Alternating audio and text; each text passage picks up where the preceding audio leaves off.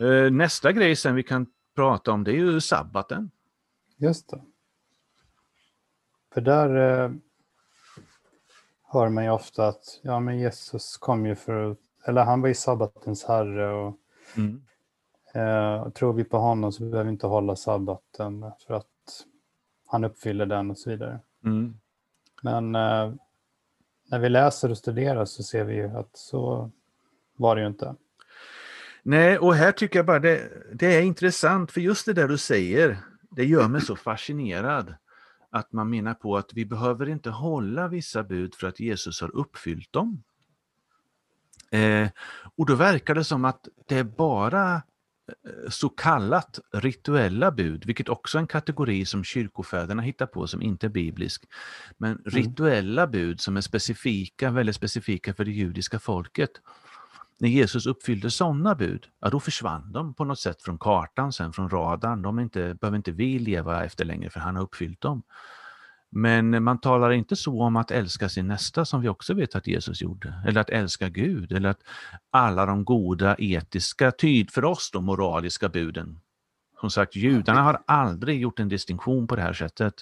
Och, och mm. buden att inte ha några avgudar är ju för en judisk person både moraliskt och kult, eh, rituellt. Eh, det både handlar om kultisk renhet men handlar också om mitt hjärta. Eh, att, att bara älska Gud. Så att den här distinktionen är jättekonstig. Så att eh, det är någonting jag är väldigt nyfiken på hur man med hjälp av Bibelns texter och inte kyrkofädernas efterkonstruktioner får ihop det här resonemanget att, att uppfylla bud eh, gör att ett bud försvinner men att ändå då inte alla bud försvinner. En variant jag mm, hört är mm. att jo, men alla bud försvann faktiskt, men sen återinfördes en del bud efter korset på något sätt. Mm. Och eh, ja, Det blir många väldigt skumma eh, konstruktioner i alla fall som inte signaleras från Nya Testamentets egna texter, utan det måste man fylla ut ett uh, utrymme, ett tomrum som man själv skapar genom den här bibeltolkningen, som då är, menar vi, felaktig. Så att, uh, ja, Jesus själv, han, i Lukas 4 står det att han brukade gå till sabbaten, på, eh, brukade gå till synagogan på sabbaten. Mm. Så där ser vi att sabbaten som dygn för honom var särskilt. Det var ett dygn när han sökte gemenskap med andra judar på den plats dit judar gick, det vill säga synagogan, för att lyssna på Guds ord och diskutera och lägga ut det. Eh, det är ju ett lite mer, eh, vad ska jag säga, den korta varianten av vad vi ser i hans beteende.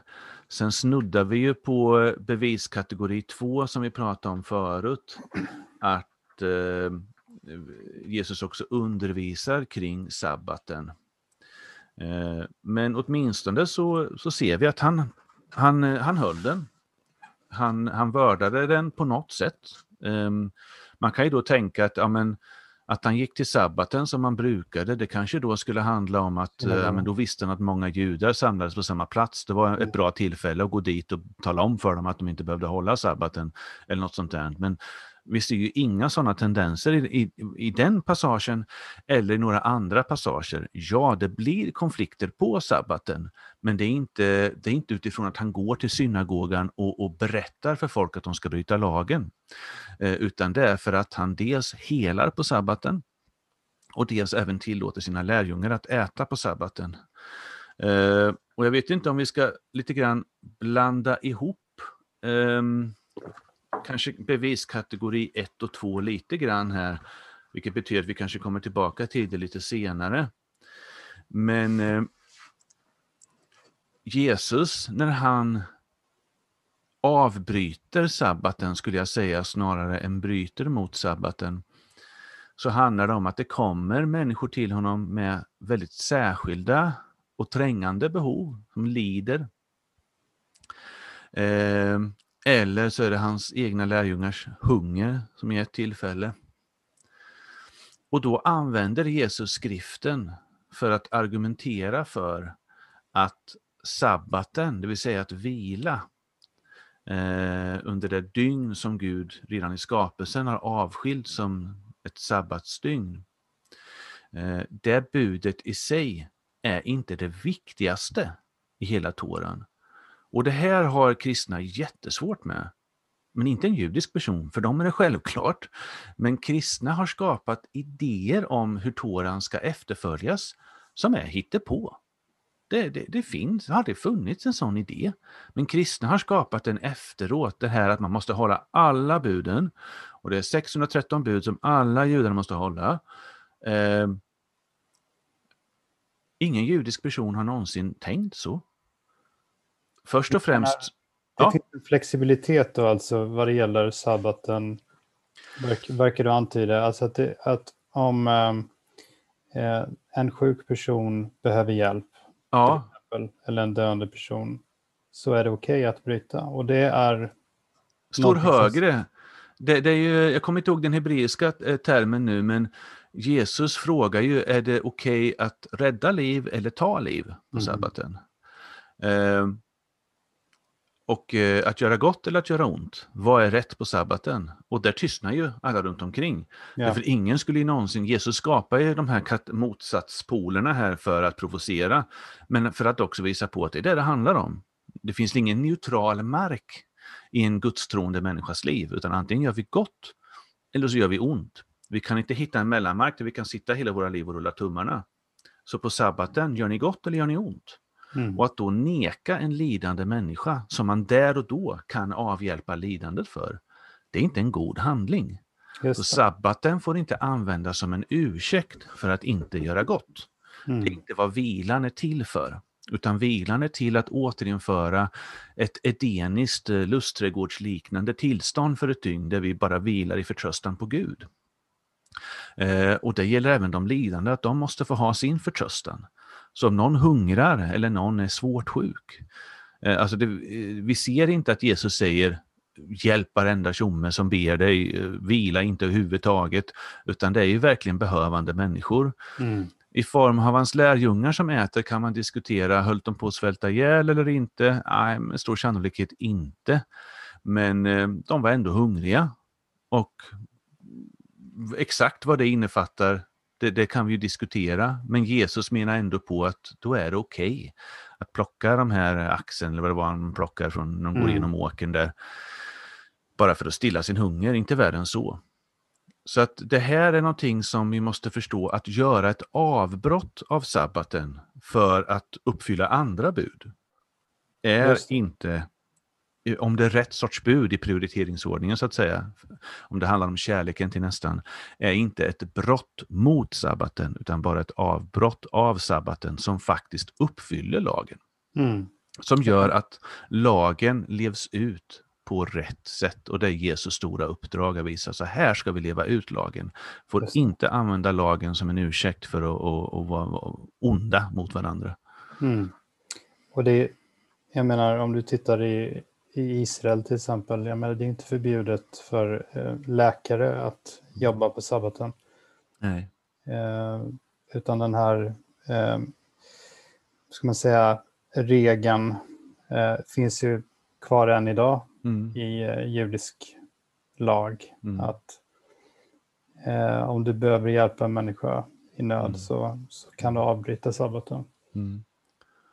Och Jesus tar exemplet med leviterna som tjänstgör i templet på sabbaten. De bryter inte mot lagen när de arbetar på sabbaten, för det är lagen som ålägger dem att göra det. Och det är ju Jesu poäng, att det är lagen som ålägger honom att mm. vara god på sabbaten. Så det är inte ett lagbrott, tvärtom. Um, så att ja, det där är... Um, det här är någonting som ligger som ett tungt täcke över de flesta kristna när de läser Bibeln, att de är så instruerade, indoktrinerade i det här lagnegativa tolkningssättet, tolkningsrastret, så att de inte riktigt kan se vad det står i texten. Så ser vi eh. de här kvinnorna då, när Jesus har dött. Ja, jag eh, tänkte dels har vi Matteus 24 där det står att eh, under vedermördan som ska komma så ber Jesus att, eh, eller säger till människor, be att ni slipper fly under vintern eller på sabbaten. Han förväntar sig inte att sabbaten ska upplösas på något sätt. Och sen så ser vi då som du säger när han väl har blivit korsfäst. Och då är vi egentligen kanske inne i kategori 3 delvis. Men det är ändå väldigt tidigt inpå mm -hmm. eh, han, hans död så att helig ande har inte utgjutits och så vidare. Och en del tänker sig att det händer saker där som eh, förändrar lärjungarnas sätt att leva ut lagen och så vidare. Och det kan vi komma till senare. Men så här har vi ett exempel på att när kvinnorna har, när Jesus har blivit begravd, så återvänder de hem, där de gör i ordning välluktande kryddor och oljor, och sabbaten tillbringar de efter lagens bud i stillhet, står det i Lukas 23. Och då är det ändå liksom, har människor under ett antal år levt nära Jesus, behöver inte ens vara det, har man bara levt några månader nära Jesus och sett honom bryta mot sabbaten varje söndag, eller varje, nu, varje lördag, eh, och istället då kanske firat söndagen tänkte jag säga, men det gör man inte som, förrän efter uppståndelsen, men på något sätt då avskaffat alla heliga dagar då, i princip, sabbaten. Om inte sabbaten finns kvar, då är ju hela veckan slätstruken. Eh, men det verkar inte de här kvinnorna eller några lärjungar eh, tänka sig. Utan sabbaten ligger kvar. Mm. eh, den, den, största, eh,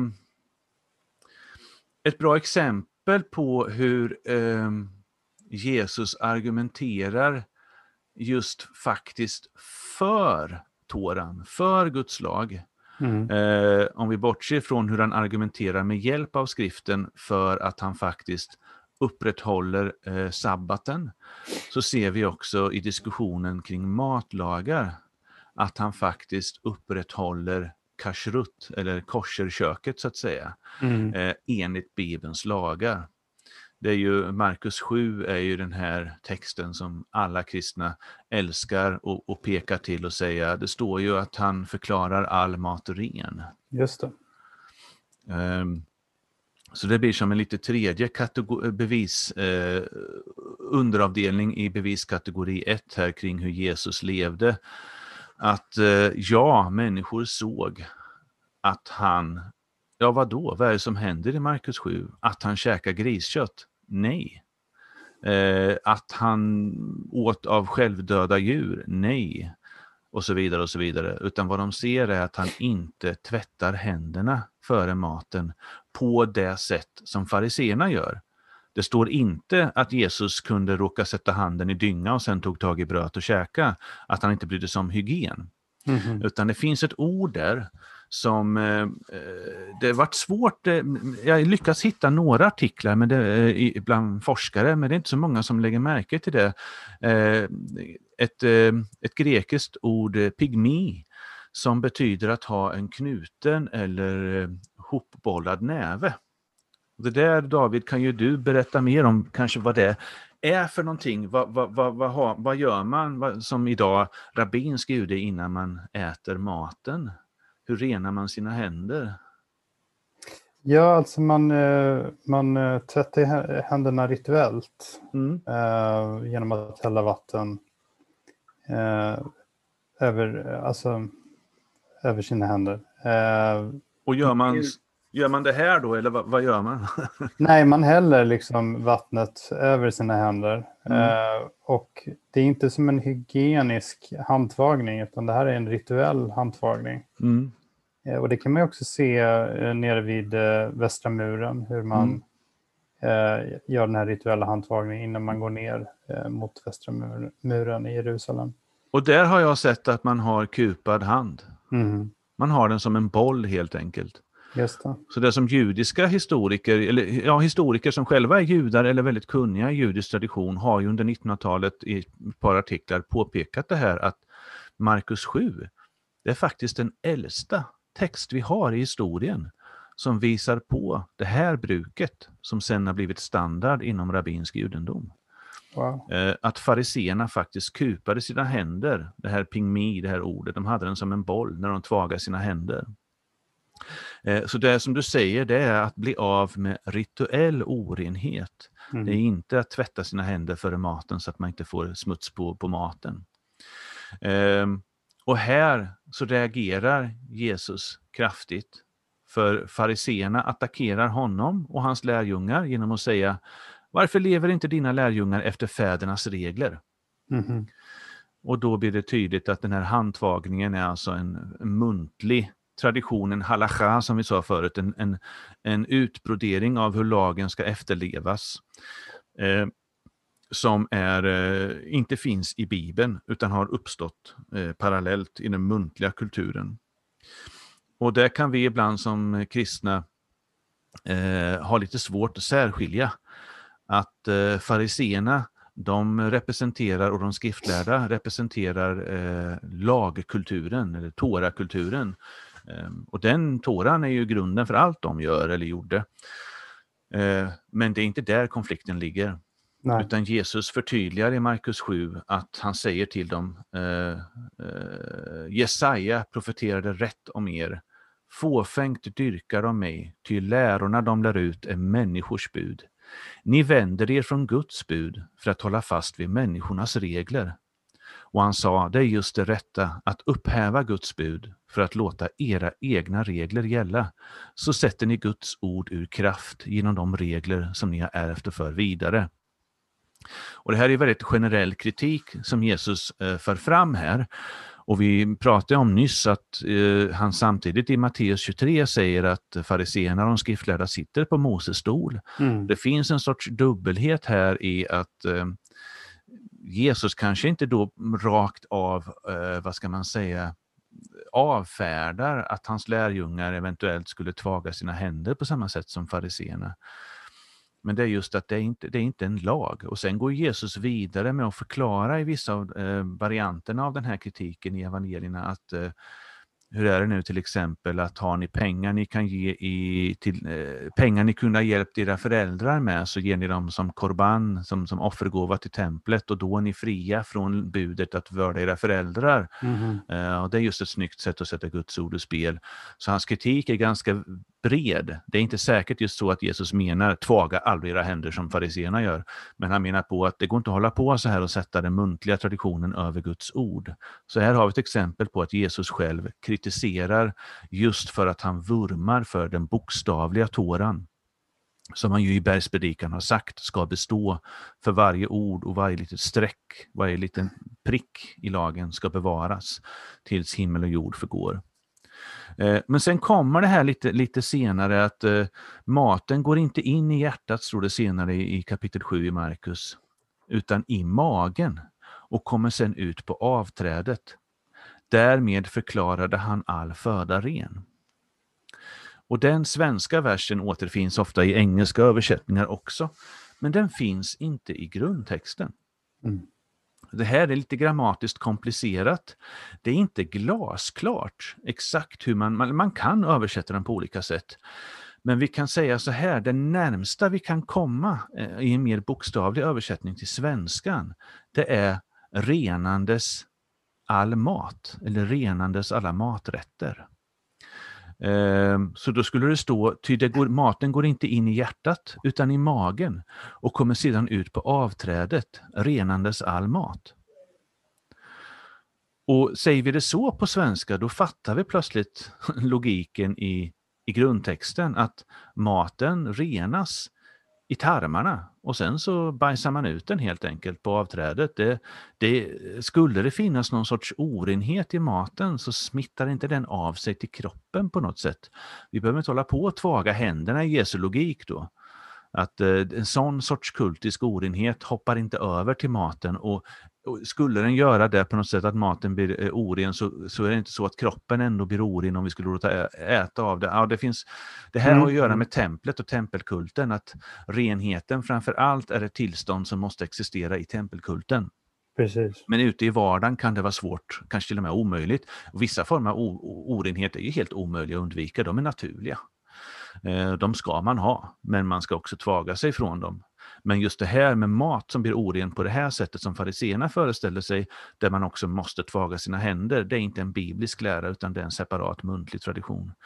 Så att vad Jesus säger är egentligen, eh, buken renar maten, bekymra er inte liksom. Men då har vi i kristen tradition lösgjort den där sista frasen, katharizon pandat avromata som det står på grekiska, renande all mat, och så har vi gjort om den till en separat mening som lyder därför, därmed förklarar han all föda ren. Och det är inte ett schysst sätt att översätta på. Och då bygger man en teologi utifrån den här versen som man rycker ur sammanhanget. Fruktansvärt tragiskt. Jag möter inte en enda kristen som pratar om matlagarnas avskaffande utan att hänvisa till Markus 7. Mm -hmm. Som alltså är fullständigt felaktigt. Och det säger sig i kontexten också, det vore ju helt... Vilket, vilket billigt, enkelt fall. Alltså, fariseerna skulle ju ha knäckt Jesus direkt. Om mm. man å ena stunden bara ger dem svavelosande tillrättavisning för att de bryter mot Guds ord. Mm. Och sen i nästa mening säger, för Guds ord om maten är avskaffat nu. Liksom. Han skulle ju få mm. pisk direkt och gå därifrån med svansen mellan benen. Ser ingen yttring på dig i, i, i, i diskussionen. Va? Så att, eh, det, och det här finns även hos andra eh, judiska skriftlärda i texter bevarat i rabbinsk tradition från den här tiden, att man faktiskt såg på, på maten på det här sättet. Så fariseerna har en, de följer en viss tradition. Det fanns judar som tänkte som dem. Men det fanns också judar som tänkte som Jesus, att vi behöver inte vara rädda för orenhet på maten i, till vardags. För tarmarna renar det. Liksom. En, en stor, eh, ska man säga, ett sätt att förstå de här bibelpassagerna är ju också att kanske försöka sätta sig in i det här konceptet med rituell renhet och orenhet. Mm. För det är ju någonting som kanske inte talas om så mycket i, i kyrkan. Alltså vi, innan jag kom i kontakt med den messianska teologin så hade jag inte eh, brottats eller stött på det här, de här tankarna. Hur hade du uppfattat renhet då? Innan? Jag kunde nog inte riktigt förstå de här passagerna alls. Eh, eller så förstår jag dem på något annat sätt eh, utifrån en kristen tolkningstradition som jag hade eh, lärt mig. Men att eh, på något sätt blir det så självklart när man börjar greppa, och det är ett ganska svår, svårt koncept det här med rituell renhet och orenhet. Men när man börjar förstå det lite grann så kan man också se till exempel då Markus 7 i ett helt nytt ljus. Att det här handlar ju faktiskt inte om eh, mat. Det är inte en, en, diskussion om mat, om mm. korser eller icke korser och så vidare, utan det handlar om rituell handtagning. Mm. Och där var, eh, som du har nämnt, det här att, att man ska taga sig innan man går till templet mm. Eh, för att vara rituellt ren, det hade då överförts till vardagslivet.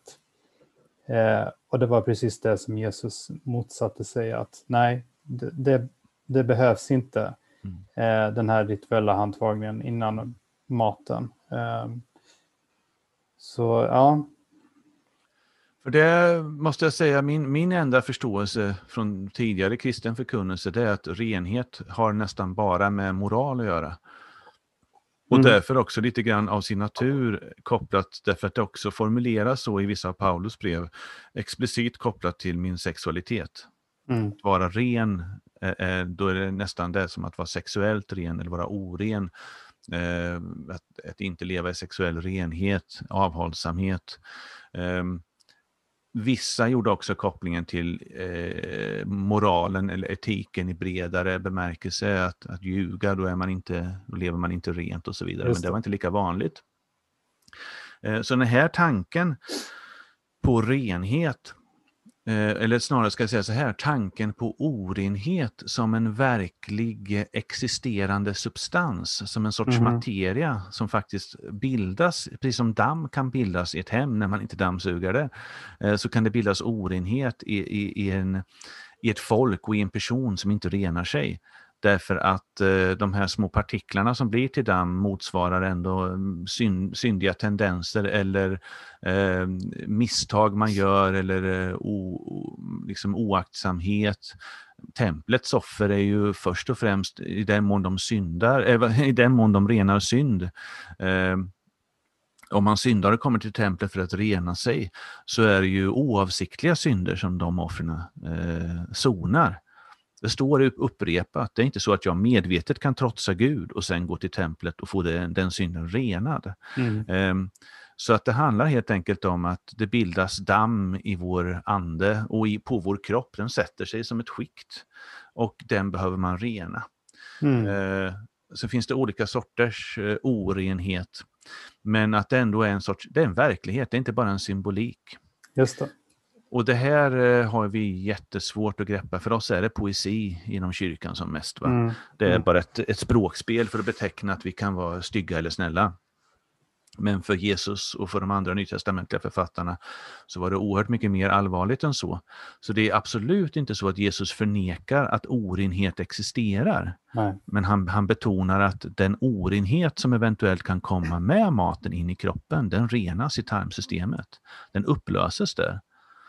Så att det, är, det är inte heller, eh, orenheten är inte gjort av titanium utan det finns ganska enkla medel. Det var inget speciellt att göra sig av med den och även tarmarna kunde funka renande. Det är intressant för att jag menar om man eh, har med det här tänket med rituell orenhet och, och så vidare så finns det andra passager i, i NT som får ett lite större djup också. Ibland tänker jag på den här berättelsen om uh, den barmhärtige samariten till exempel. Uh, och den här historien som Jesus berättar om hur prästen passerar mm. uh, den här mannen som har blivit, ja, som prästen kanske tror är död då. Mm. och, och är prästen på väg till templet mm. och går förbi en död människa så vill han inte röra den döde. Mm. Och varför då? No, då kan han inte komma in i templet på några mm. dagar. Eller är det en vecka? Jag vet mm. inte.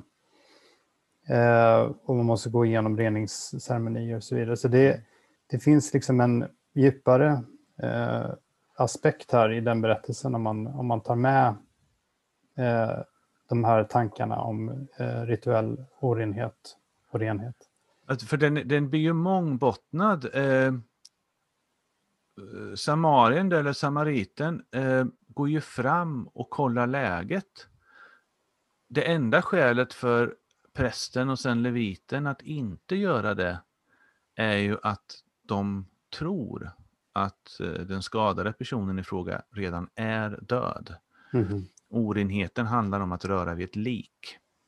Precis. Men sen finns det ju bud om att man även ska begrava dem som, som inte har någon annan som begraver dem. Eh, och även en levit och en präst, eh, som sagt, de skulle kunna rena sig efteråt. Det skulle ändå vara ett barmhärtigt dåd att ta hand om kroppen och så. Mm, mm. Så det, visst kan det ändå finnas nyanser av eh, ja, att Jesus ändå lyfter fram vad ska jag säga, dåliga tillämpningar av lagen från just den prästen och den leviten. Men det är just ändå vi kan förstå hur de tänker mm. utifrån, det finns en logik bakom det. Det är inte bara då som tyvärr kristna tänker. Eh, ja, det blir helt enkelt antisemitiskt. Att de var, de var eh, verkligen sådär hardcore-judar och är man det då blir man hård och kall och elak. Liksom. Men Samarien var lite, han lite frifräsare inom, inom lagobservansen så han kunde vara lite, ah, hej, jag kan röra vid en dö. Mm. Och det är inte så. Det. Ja, intressant. Eh, jag tycker att vi pratar vidare nästa eh, avsnitt lite mm. mer om just eh, maten också, det här med matregler och mm. kanske kolla lite grann på Petrus syn till exempel. Ja, just det. Bara som en parentes. Apostlagärningarna 10, ja. Mm. För det är ju nästa grej som alltid kopplas med Markus 7, så de två mm. i tandem är ju två riktigt taskiga tolkningar genererar riktigt taskig syn på, på, mm, mm. på korser. Ja, så det tycker jag låter bra. Då startar vi mm. med det nästa gång. Absolut. Bra. Tack för idag. Tack för idag.